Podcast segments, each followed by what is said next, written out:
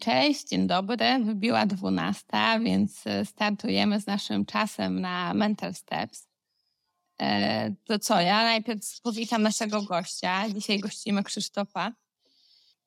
Dzień dobry. E, dzień dobry. No właśnie, no to słowem wstępu. Ja najpierw powiem pa, parę rzeczy. I naszym gościem, jak widzicie, jest psycholog Krzysztof Żeńca. E, I słowem wstępu to, to spotkanie dzisiaj jest wyjątkowe o tyle, że dedykowane osobom, które pracują z zawodnikami, wspierają tych zawodników na co dzień, czyli na przykład dla trenerów, trenerek, ale też rodziców e, sportowców, e, czy nauczycieli, którzy po prostu na co dzień zawodnikami są. No i my dzisiaj poruszymy temat no, niezmiernie ważny, dotyczący przemocy rówieśniczej w klubie sportowym. Co robić, jak reagować. Mam nadzieję, że dzisiaj też będzie taka e, dla Was e, porządna pigułka w wiedzy. No i tak, z jednej strony może się wydawać, że to jest temat e, no, niezwiązany bezpośrednio z psychologią sportu, w której na co dzień jako Mental Steps działamy. No ale ja tutaj chyba dodam to, że tak naprawdę pozornie niezwiązany, bo e, kluby sportowe to jak najbardziej grupy społeczne, dzieci i młodzieży, więc ta przemoc jak najbardziej w, w różnych kontekstach może się pojawiać i się też e, pojawia. E, więc myślę, że tym bardziej warto o tym dzisiaj mówić.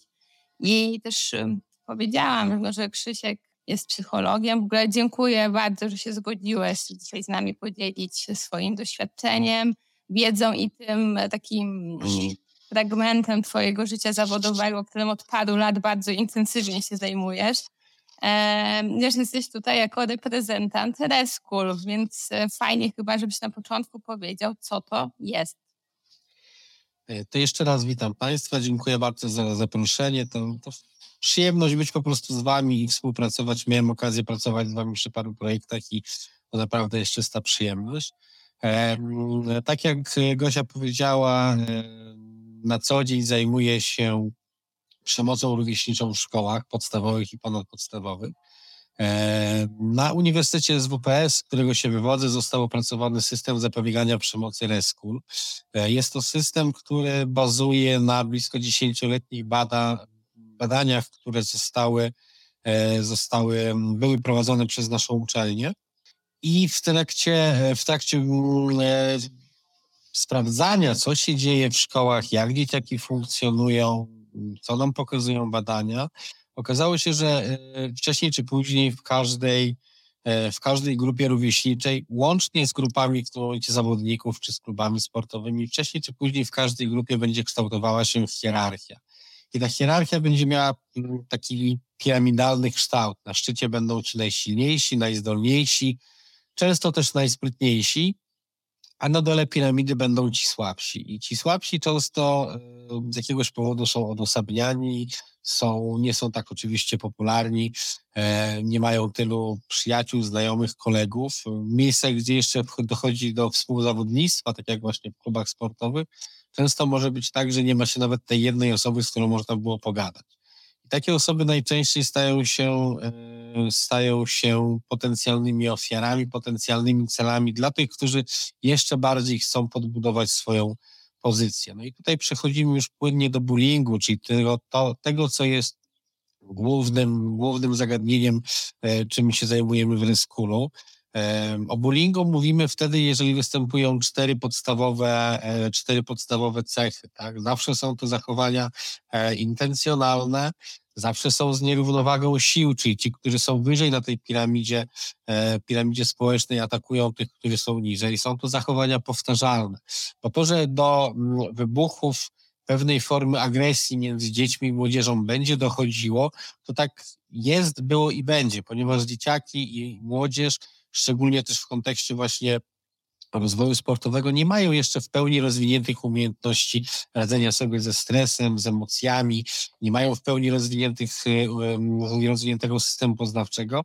I czasami w momencie, kiedy dochodzi do, do spięcia, to jakoś to musi zostać rozładowane. Tak? No i wtedy często dochodzi do rozładowania w formie, w formie agresji, czy to werbalnej, czasami niestety, e, niestety e, fizycznej, ale nadal to są jednostkowe przypadki tak? O bullyingu mówimy w momencie, kiedy są to zaplanowane, powtarzalne, czyli nie wiem, wyobrażam sobie, że w przypadku klubu sportowego na przykład chowanie e, e, rzeczy, tak, w szafce, czy zabieranie rzeczy z szafki, tak, czy podkładanie czegoś, różnego rodzaju te działania. No i czwarty element e, bullyingu to jest, że praktycznie zawsze są przy udziale świadków. I tutaj musimy pamiętać, że ci świadkowie w naszej obecnej rzeczywistości są bardzo często świadkami wirtualnymi. E, to jest ta sfera, do której my jako dorośli w przypadku naszych dzieci często nie mamy dostępu, czyli nie mamy dostępu do mediów społecznościowych, w których oni się udzielają. E, my jesteśmy, przepraszam Gosiu za wyrażenie, ci starzy, którzy używają Facebooka, tak? Dla nich Facebook jest passe. Oni używają Instagrama, TikToka, który dla mnie jest po prostu jakąś abstrakcją, bo nie wyobrażam sobie przekazywania przekazywania wartościowych treści w postaci dwusekundówek, dziesięciosekundówek, biorąc pod uwagę, że w tej chwili mówię już dobrych parę minut, a nawet jeszcze nie dotknąłem całego sedna problemu, to co można przekazać zresztą przez, e, przez, w postaci przekazu kilkusekundowego. Tak? Także bardzo ważny jest ten aspekt świadków, których my nie jesteśmy w stanie zobaczyć, a dla nich każdy followers, każdy like, każde udostępnienie zawsze liczy się jako to, że ktoś obejrzał to, co zrobiłem, ktoś to podbija, komuś zależy na tym, żeby więcej takich zachowań e, obserwować. Mhm, czyli co, intencja, powtarzalność? Intencja, powtarzalność, świadkowie i nierównowaga sił. Nie ma praktycznie przypadków takich, żeby ofiara, w sensie osoba z niższej, z, niższego szczebelka piramidy tej społecznej atakowała ofiarę kogoś, kto jest wyżej, tak? Oni są po prostu za silni. Zawsze szukamy tych, którzy są słabsi. To jest dokładnie tak samo, jak działa to w naturze, tak? No, zwierzęta też atakują słabsze, słabszą jednostkę, a nie silniejszą, tak? Chyba, że chodzi o przewodnictwo w ogóle w całym stadzie, no ale to jest zupełnie osobne już zagadnienie. Także na uniwersytecie został opracowany taki system, został on już z powodzeniem wdrożony w ponad setne szkół kolejne od września bodajże jest kolejnych 130 szkół w kolejce już do, e, do wdrożenia.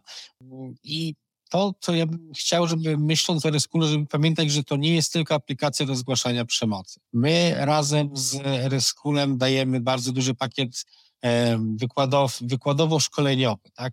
Edukacyjny, nie? Można Dokładnie tak. Co to jest bullying, jak go rozpoznawać, jak z nim walczyć. Pokazujemy techniki, mechanizmy. E, aplikacja jest dodatkiem do tego, tak? My wierzymy, zresztą tak jak chyba mam nadzieję, że większość psychologów, że najważniejsza jest profilaktyka, tak?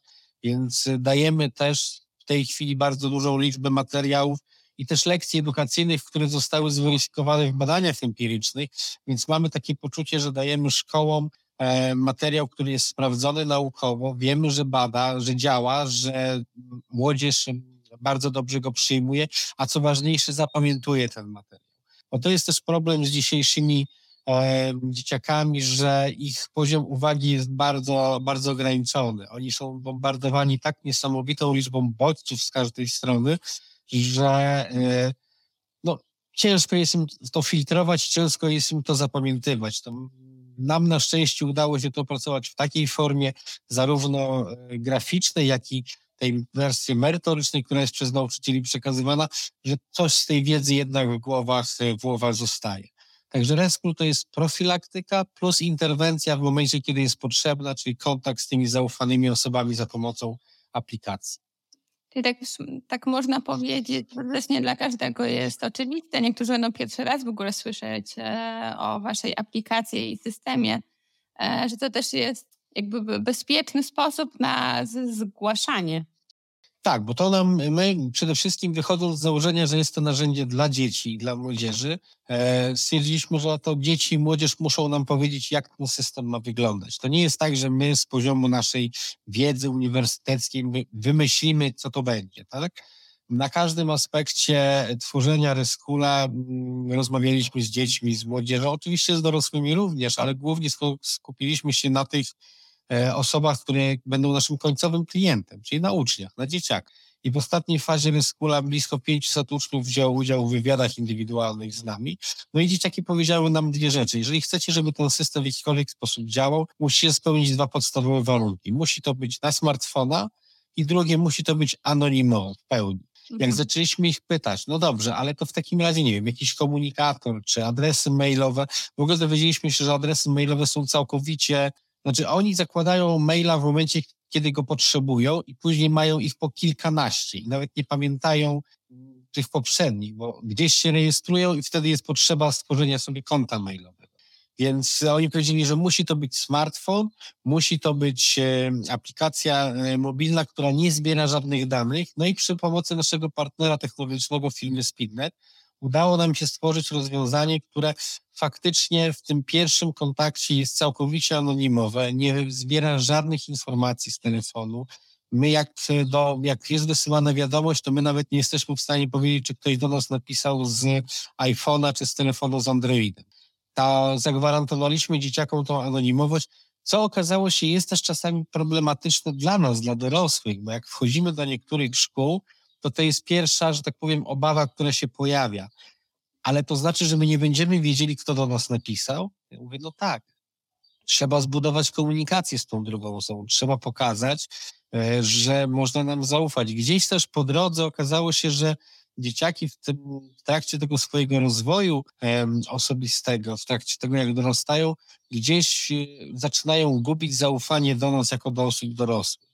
E, To jest też oczywiście związane z ich rozwojem, z tym, że stają się coraz więksi. No siódmoklasiści w tej chwili uważają, że są prawie że dorosłymi ludźmi, e, Tak więc co, co to dokładnie, co to oni nie mogą, no ale to nie jest tak, tak, no są niektóre decyzje, których oni, niektóre sprawy, których nie powinny dzieci roztrząsać czy rozstrzygać same. No i w tym miejscu znowu wchodzi, wchodzi właśnie Leskun, że zawsze można zapytać o to, mm, co, co jest dla nas e, wątpliwe, o co chcielibyśmy się, e, o co chcielibyśmy się dopytać. No właśnie, bo powiedziałeś o tym, że jeden z warunków e, brzmiał następująco, że ma być anonimowe. Teraz, jak ja się przygotowywałam do, do naszego spotkania, tak sobie myślałam o tym, dlaczego na przykład, czy w klubach sportowych, czy w, w szkołach dzieci i młodzież nie zgłaszają przemocy. I mi przyszły dwie takie rzeczy do głowy. Pierwsza to taka, że mm, a, bo to i tak nic nie da. Wiesz co, tak, bo to jest jedna z przyczyn, ale druga dużo ważniejsza jest taka, A że... druga, że to normalne. Ja sobie pomyślałam, że na przykład, a to normalne, że nie wiem, ktoś jest nielubiany w grupie. I- to, Gosiu, z czym ty mówisz, to, co ty mówisz, jest związane z tym, że oni nie potrafią rozróżnić niektórych zachowań przemocowych. Dla dzieciaków przemoc jest wtedy, kiedy leje się krew, komuś coś zostanie skradzione, na przykład iPhone warty kilka tysięcy złotych. To jest w tym momencie przemoc materialna czy przemoc fizyczna. Mają bardzo duży... przemoc.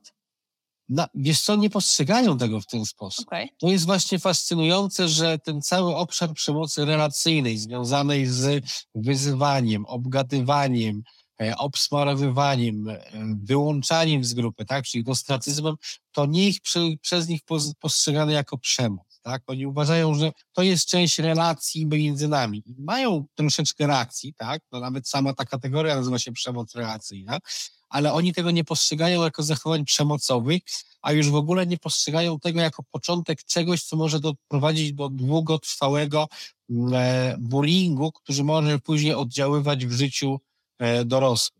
Wiesz, to jest na tej zasadzie, że no tak jak teraz, są na pewno jakieś rytuały, jak oni przychodzą do szkoły, jak się witają, tak? U nas to było, nie wiem, podanie sobie ręki, teraz pewno są żółwiki, piątki, powiedzenie sobie siema, no różne są sposoby, tak? Ale w momencie, i teraz to jest znowu obszar, do którego my, jako dorośli, nie mamy wglądu. Nie widzimy ich, jak oni wchodzą do szkoły.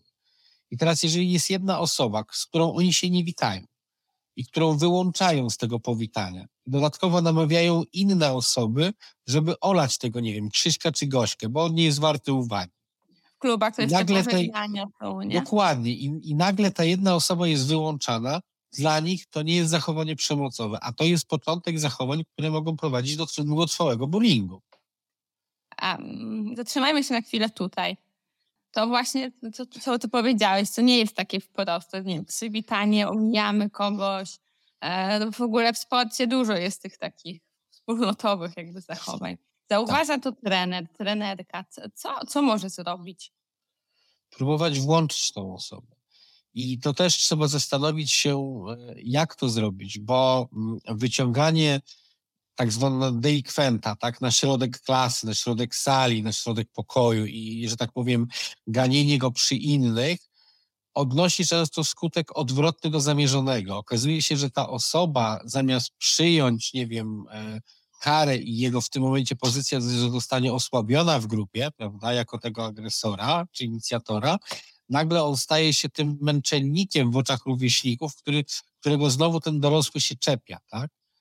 E, więc też trzeba bardzo uważnie podchodzić do tych kwestii, e, w jaki sposób z dzieciakami się komunikować. No najlepszym sposobem jest profilaktyka, czyli jeżeli zobaczymy jakieś zachowania, tak, dotyczące przemocy relacyjnej, wykluczania, to przeprowadzić z nimi pogadanki, lekcje edukacyjne, pokazujące kontekst, tak? Nawet nie wprost piętnowanie, że ty zrobiłeś źle tutaj gośce czy Krzyśkowi, tylko pokazywanie poprzez wiedzę. Jeżeli się okazuje, że to jest za mało, są różnego rodzaju interwencje, na przykład jedną z takich interwencji, które dzieciaki uwielbiają jest, to też przez samą nazwę, ta interwencja nazywa się Undercover, undercover Anti-Bullying Team, tak? Czyli a dla dzieciaków, jak coś jest undercover, to już jest, tak powiem, catchy, tak? Już to lubią. I ta interwencja polega na tym, że trener, wychowawca, internet, ktokolwiek z grupy rówieśniczej wybiera dwie, trzy osoby, które mają za zadanie opiekować się tą osobą, która jest wyłączana z grupy, tak? Mhm. Po prostu dostają zadanie. Nikt o tym nie wie. Nie, wiedzą ty dokładnie, dlatego mhm. jest undercover, że wie to tylko osoba dorosła plus tych kilku wybrańców, którzy mają to robić. Ofiara o tym też nie wie, tak? I nagle wiesz, po trzech, czterech, pięciu tygodniach takiej ochrony okazuje się, że ten, ta jedna osoba, która była wyłączana, ten dzieciak, który był bullyingowany, przestaje być tym chronionym, tylko zostaje ściągnięty pod, do podgrupy, tak? Staje się kumplem czy koleżanką i przestaje być zaczepiany i atakowany przez innych. Czyli poprzez działania pośrednie, pokazując dzieciakom, co mogą zrobić, dzieciaki przejmują inicjatywę i to robią. I to też pokazują badania, że jeżeli dzieci podejmą inicjatywę i podejmą działania, to mają blisko 75% szansę na skuteczne działanie. Tak?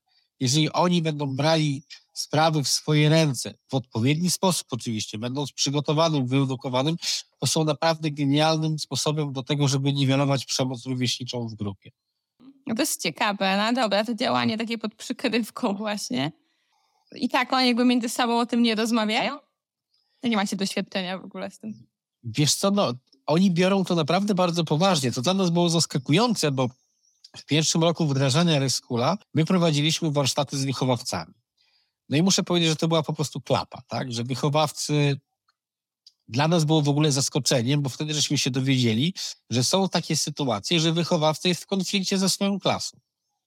Hmm? Że wychowawca się nie lubi z klasą. No i wtedy prośba o to, żeby wychowawca cokolwiek przekazał dzieciakom, w ogóle nie ma najmniejszego sensu, bo to jest skazane na z góry na niepowodzenie. I od września zeszłego roku wprowadziliśmy modyfikację w naszym wdrożeniu i rozmawiamy z dzieciakami, rozmawiamy z trójkami klasowymi, rozmawiamy z samorządem uczniowskim. I to powiem Ci, Gosiu, że to jest różnica nieba a ziemia, tak?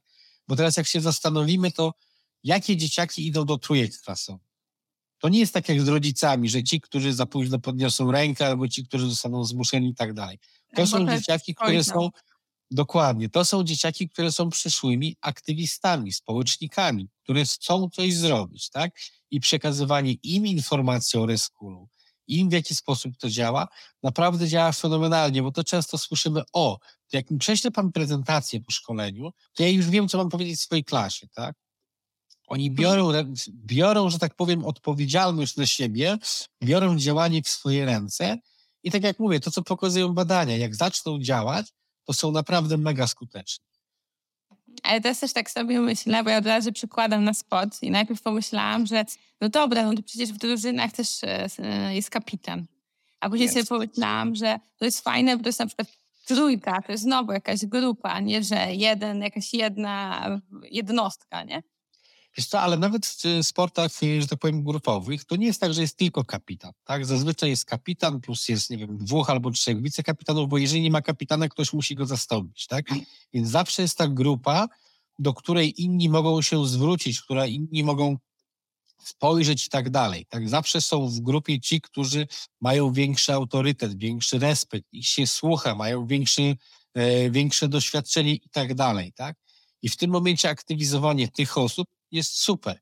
Trochę gorzej, jeżeli okazuje się, że jedna z tych osób jest przemocowa, tak? Ale no to, to w tym momencie trzeba już na przykład aktywizować pozostałych, którzy są i wskazać, że jednak te zachowania, które są wskazywane przez tego lidera, nie do końca są, że tak powiem, zgodne no, chociażby z zasadami zdrowia psychicznego, tak? Mm, dzięki za ten przykład, bo to jest faktycznie, myślę, że konkret i nawet mi tak otwierający jakieś szufladki w głowie, gdzie jestem po psychologicznych studiach i pracuję w tym, no co spodziewam się, że tym bardziej e, jak pracujecie z nauczycielami, czy właśnie e, teraz e, słuchają nas trenerzy, czy inni dorośli, no to tym bardziej takie otwierające. Wa ważne jest też po prostu, żeby słuchać, co mówią dzieciaki i rozmawiać między sobą. My jako osoby wchodzące do szkoły jesteśmy oczywiście przez nich postrzegani trochę inaczej, jesteśmy mhm. wyrwani z tego kontekstu szkolnego. E, często jest tak, że nauczyciele nie rozmawiają między sobą, co się dzieje na poszczególnych zajęciach. Zakładam, że w klubach sportowych może być bardzo podobnie, że nie wiadomo, co się dzieje pomiędzy poszczególnymi zajęciami, a może być tak, że ten jeden dzieciak, dwójka jest gdzieś cały czas w jakiś sposób wyłączana z, grupy, czy w jakiś sposób jest ośmieszana i tak dalej. Jeżeli nie ma komunikacji między dorosłymi, jeżeli oni nie omawiają tego, co się dzieje, to nie są w stanie niektórych rzeczy i niektórych zachowań wychwycić, tak? Trudno jest też na przykład niektóre zaadresować wprost. No też taki przykład życia. Idą dwie dziewczyny korytarzem, tak? Czy na przykład siedzi, idą, idzie dwóch chłopaków w szatni sportowej, tak? I siedzi jeden chłopak przy na ławce i się przebiera i nagle oni przechodząc obok niego rzucają tak po prostu weter, ale tu śmierdzi, ale tu jedzie, cuchnie i tak dalej. I idą dalej, prawda? I ten chłopak siedzący na ławce doskonale wie, że jest to mówione o nim. Ale trener, który przejdzie i usłyszy, na przykład powiem, nie wiem, albo kawałek wypowiedzi, albo tylko część, może być mu to trudno zaadresować. Szczególnie w szatni sportowej, gdzie po prostu są różnego rodzaju wyziewy, że tak powiem, no szczególnie po treningu i tak dalej. Ale to jest bardzo taki życiowy przykład, ten, który Dokładnie. Kolejnym też takim przykładem jest to, że my często nie rozumiemy języka, którym się posługują dzieciaki i nie zwracamy, za bardzo nie, nie próbujemy tego analizować. Nie wiem, to znaczy określenie być sześćdziesiątą, sześćdziesiąta, no właśnie, a to jest nagminne określenie, które pojawia się już w klasie czwartej. No i teraz pytanie, jak myślisz, co może to oznaczać, jak mówią do siebie dzieciaki i mówią przestań być 60? Ja przestań być? Nie bądź 60. Przestań być 60. Jak zrobisz to i to, to znaczy, że jesteś 60. Albo 60. Masz jakiś pomysł? Jak bardziej. Nie, to jest bezpośrednie odniesienie do artykułu 60 kodeksu karnego mówiącego o współpracy więźnia z władzami w celu złagodzenia kary. Czyli 60 to jest kabel, donosiciel, konfident, skarżypyta i tak dalej. Tak Chyba w szkole jest... to się mówiło konfident. Dokładnie. Język polski jest przebogaty w negatywne określenia na zgłaszanie czegokolwiek, tak? I to też my się z tym zderzamy. Ja pytam na wykładać nauczycieli, czy wiecie, co to znaczy być 60? I mniej więcej dwie trzecie nauczycieli nie ma pojęcia słyszą to na co dzień u siebie w klasach, ale ignorują to, bo po prostu nie znają tego określenia, tak? No ale nazywanie kogoś kablem, konfidentem i tak dalej też jest formą przemocy, tak? I też w tym momencie powoduje, że nawet jeżeli ktoś chciałby coś zgłosić, to może bać się tego zgłosić, ponieważ zostanie napiętnowany, że jest właśnie tą nieszczęsną 60. Tak? Jest Trochę, że przesadza, takich... nie? Słucham? I że przesadza. Dokładnie tak. Wiesz co, ale to nawet nie jest to, że przesadza, bo oni uważają, że nie, że nie powinno się zgłaszać dorosłym, bo dorosły i tak albo zrobi, że będzie jeszcze gorzej, albo to zignoruje, albo y, nie będzie go to interesowało, tak? Czyli to podobne ze zignorowaniem. Po prostu oni gdzieś, tak jak mówię, stracili to zaufanie do nas jako do osób dorosłych i jeżeli my nie zaczniemy zwracać uwagi na to, jak oni się do siebie zwracają, dla mnie na przykład, jak jestem w parku z swoją młodszą córką, to staram się być w miarę daleko od grup nastolatków. Bo to, jakiego oni używają słownictwa na co dzień, jakich używają przerywników, to nawet ja za czasów swoich młodości i no, tak powiem, no, nie pamiętam, żebyśmy aż tak bardzo no, używali wulgaryzmów, jak w tej chwili jest to wkomponowane w ich język. Powiedz mi tak, bo dużo razy się pojawia właśnie ta komunikacja i relacja, która tak naprawdę jest podstawą i na linii osób, które pracują z dziećmi, z młodzieżą, ale też e, między tą osobą, która pracuje, a zawodnikiem. E, co może robić trener, żeby właśnie budować ten pozytywny klimat w klubie? Mówiliśmy o edukacji, mówiliśmy o komunikacji. Być uważnym na to, co się dzieje, bo to jest jednak podstawa, tak? Zobaczyć, co się dzieje w grupie, zobaczyć, jak klasa jest między sobą w interakcji. E, no i chyba najlepszą rzeczą, najlepszymi rzeczami, które mówisz, to jest po prostu ta profilaktyka i komunikacja. Jeżeli czegoś się nie wie, to też ja uważam, bo inaczej.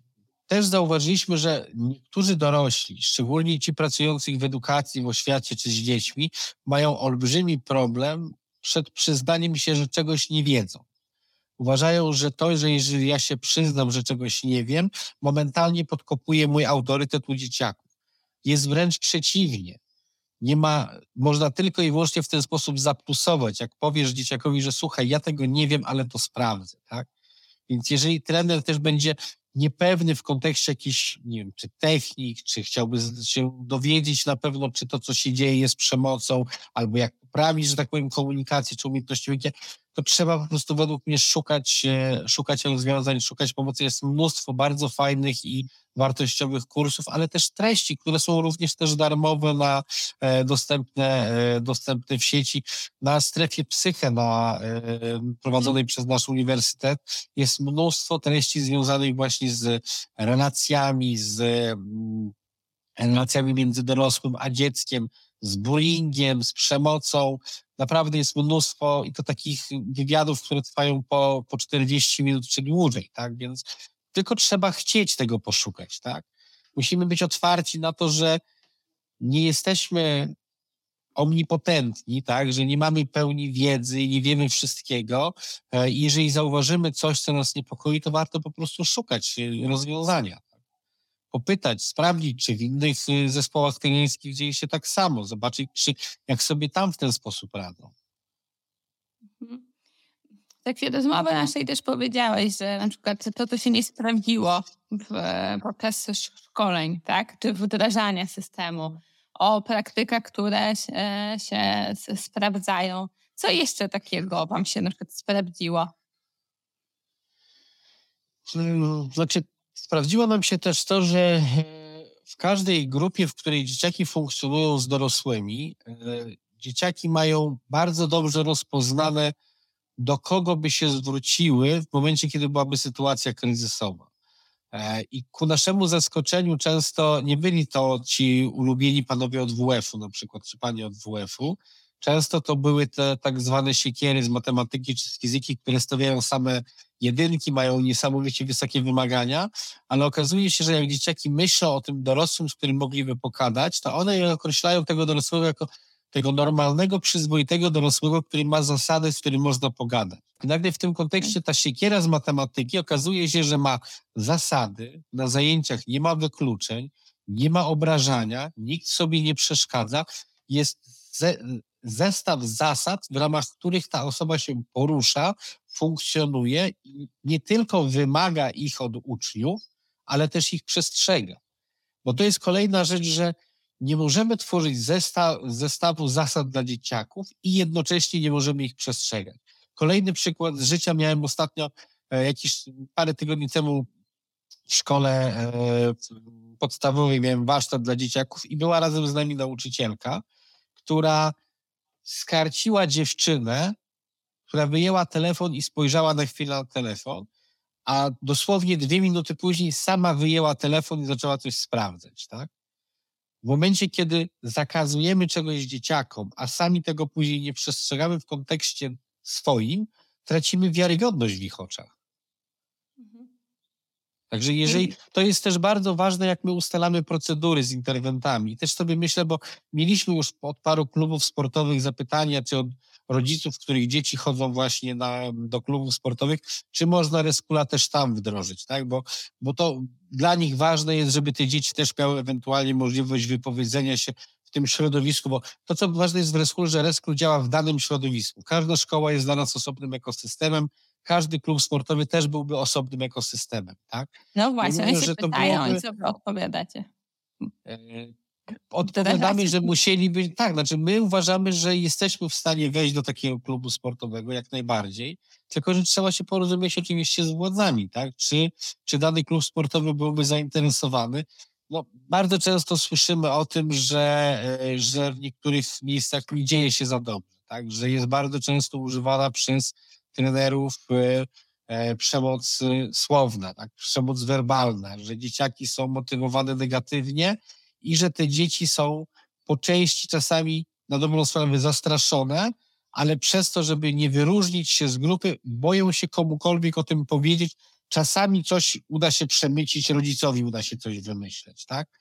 Ale z drugiej strony, jak dzieciak jest utalentowany, to rodzice chcą, żeby on dalej w tym miejscu był i się rozwijał, ale chcieliby mu też zapewnić taki komfort, że jeżeli coś by mu nie pasowało, miałby tą zaufaną osobę w tym środowisku, która pracuje razem z innymi dzieciakami w tej grupie i razem z innymi trenerami, żeby powiedzieć, że coś jest nie tak, że coś można byłoby zmienić, że czuje się, że ktoś mu na przykład robi, robi krzywdę. To jest bardzo ważne to, o czym mówisz. Ja myślę, że to w ogóle jest temat jeszcze na e, odrębne spotkanie i to na pewno nie, nie krótkie. E, czyli E, co, odpowiedź jest taka, że jakby rozważacie to, czy... Tak, znaczy my to musimy rozważyć technologicznie trochę, dlatego okay. że my w tej chwili przez to, że ten system jest anonimowy, my naprawdę nie wiemy, jakim telefonem dziecka e, rozmawiamy, tak?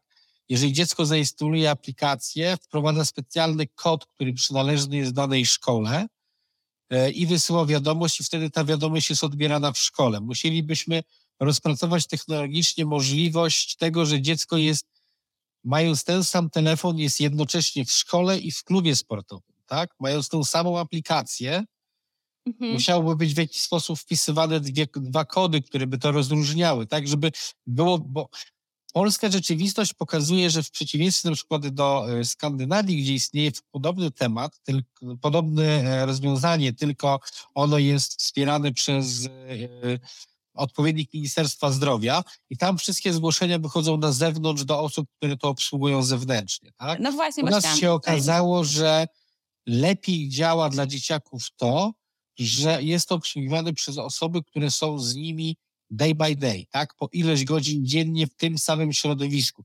Dzieci uważają, że, bo dzieciaki doskonale wiedzą, że jest niebieska linia, że są telefony zaufania, ale tam zawsze rozmawiać z kimś, kogo nie znają, a one mają potrzebę potrzebę identyfikacji rozmówcy. Chcą rozmawiać z tym zaufanym dorosłym, który funkcjonuje w tym samym środowisku i według opinii dzieciaków dzięki temu będzie po pierwsze lepiej w stanie ich zrozumieć i po drugie będzie miał większy wpływ na to, co się dzieje, bo jest w tym, że tak powiem, jednym ekosystemie. Okej, okay, to odpowiedziałeś mi na pytanie, bo chciałam się zapytać, czy e, żeby dokonkretyzować to, że tu interwent jest osobą jakby z tego środowiska. Tak, tak, interwenci to są osoby z tego środowiska. W szkołach zazwyczaj jest to psycholog szkolny, e, pedagog, ale też my, tak jak mówię, bardzo gorąco dyrekcję zachęcamy, zapytajcie dzieci, zapytajcie uczniów, kogo by chcieli mieć po drugiej stronie. I wtedy jest naprawdę często zdziwienie. O, pani od chemii. O, pani z biblioteki. Więc y, naprawdę dzieciaki mają bardzo różne, e, bardzo różne, może nie to, że pomysły, ale bardzo różne postrzeganie tego, jak dorośli funkcjonują w szkole. Różne niż my, nie? Tak, tak, tak, odmienne. Mhm. Mhm. Wiesz co, chciałabym się jeszcze dopytać, bo wiem, że to, mówiłeś nawet, ale też wiem, że robiliście te duże takie badania i to było też tak po pandemii. I chciałam się ciebie zapytać, jakie tam wnioski takie praktyczne wypłynęły z tych badań? My razem z Eurozetem robiliśmy badania dotyczące e, kondycji psychicznej dzieci E, przed pandemią i później w pandemii. I e, to nie było dla nas oczywiście zaskoczeniem, ale okazało się, że bardzo pogorszyło się e, samopoczucie dzieciaków, tak? Dużo więcej pojawiło się symptomów depresji, myśli samobójczych, tak? Dzieciaki w momencie, kiedy były zamknięte w izolacji, była nauka zdalna, bardzo się pogorszyło ich funkcjonowanie, zaangażowanie w jakiekolwiek, że tak powiem, e, aktywności. E, I jak testowaliśmy Reskula w, na jesieni i zimie 2020, to były nasze ostatnie testy przed wypuszczeniem produktu na rynek, wtedy mieliśmy między innymi, żeśmy testowali to w Cervantesie w Warszawie, to okazało się, że mnóstwo komunikatów, które było wysyłanych przez dzieciaki, nie dotyczyło bezpośrednio przemocy, ale dotyczyło e, relacji i samopoczucia. Bo dzieciaki pisały na przykład, jest mi smutno, jest mi źle, czy, to, czy taki, takie objawy są na przykład symptomem depresji. Chciałbym z kimś pogadać, ale nie mogę, nie mam, że tak powiem, e, z kim porozmawiać, tak? Albo czy to, że w obecnej sytuacji codziennie wieczorem płaczę, czy to jest normalne, tak? Okazuje się, że jak jest zbudowana komunikacja z tym zaufanym dorosłym, to że dzieciaki są w stanie wtedy zapytać o praktycznie wszystko, co ich dręczy, co ich nurtuje, o co nie miały okazji, odwagi, śmiałości albo wstyd blokował, tak? Zapytać się w inny sposób. Więc my też w pewnym momencie już zaczęliśmy, oczywiście my mówimy głównie na początku o przemocy rówieśniczej, pokazujemy jak z nią walczyć, pokazujemy badania Instytutu Badań Edukacyjnych, które pokazują, że w szkołach podstawowych w przeciągu najbliższego miesiąca 7 dzieciaków na 10 doświadczy bądź będzie świadkiem przemocy. Tak? 7 na 10 dzieci w szkole podstawowej. Tak? E, badania Martyny Wojciechowskiej, które oczywiście, znaczy są w tej chwili krytykowane, ale dla mnie najważniejsze jest to, że 185 tysięcy dzieciaków się wypowiedziało i że w badaniach wyszło, że 80% z nich uważa, że nie ma wpływu na swoje życie. Trzeba pokazać dzieciakom, że mają sprawczość, że mogą się aktywizować, że trzeba próbować sięgać do tych dorosłych po pomoc i że zapytanie kogoś, czy na przykład, y, nie wiem, to, że moja mama zaczęła więcej pić, co mogę zrobić, tak? Albo, że jest mi smutno i źle, co mogę z tym zrobić? Albo jak mogę pomóc y, Gosi, bo Gosi do szafki wsadzają zawsze jakieś tam mokre szmaty, tak? To nie jest siara, tak? To nie jest coś złego. My bardzo mocno walczymy z tym, żeby jak na przykład na warsztatach, czy, czy dla nauczycieli, czy dla dzieci, pytam się, czy możecie podać mi pozytywne określenie na zgłaszanie, to jest problem. Oni się zaczynają zastanawiać, tak? I mhm. w sumie dla mnie nie jest dalej istotne, co, co powiedzą. Mi chodzi o ten mechanizm, że zobaczcie, musieliście się zastanowić. A jak zapytam o negatywny kontekst, no to jest kolaboracja, 60, skarży pyta donosiciel i tak dalej, tak? Więc trzeba pokazać. Jest, e, nawet no fajne tak naprawdę ćwiczenie dla trenerów, którzy rozmawiają z zawodnikami. Tak, tak. To jest coś, co można brać do klubu. Jest mnóstwo bardzo prostych ćwiczeń. Na przykład e, ćwiczenie dotyczące różnic indywidualnych. Jest banalne do przeprowadzenia, zajmuje dwie minuty, a bardzo fajnie można na jego kanwie później pokazać, jak zawodnicy się między sobą różnią.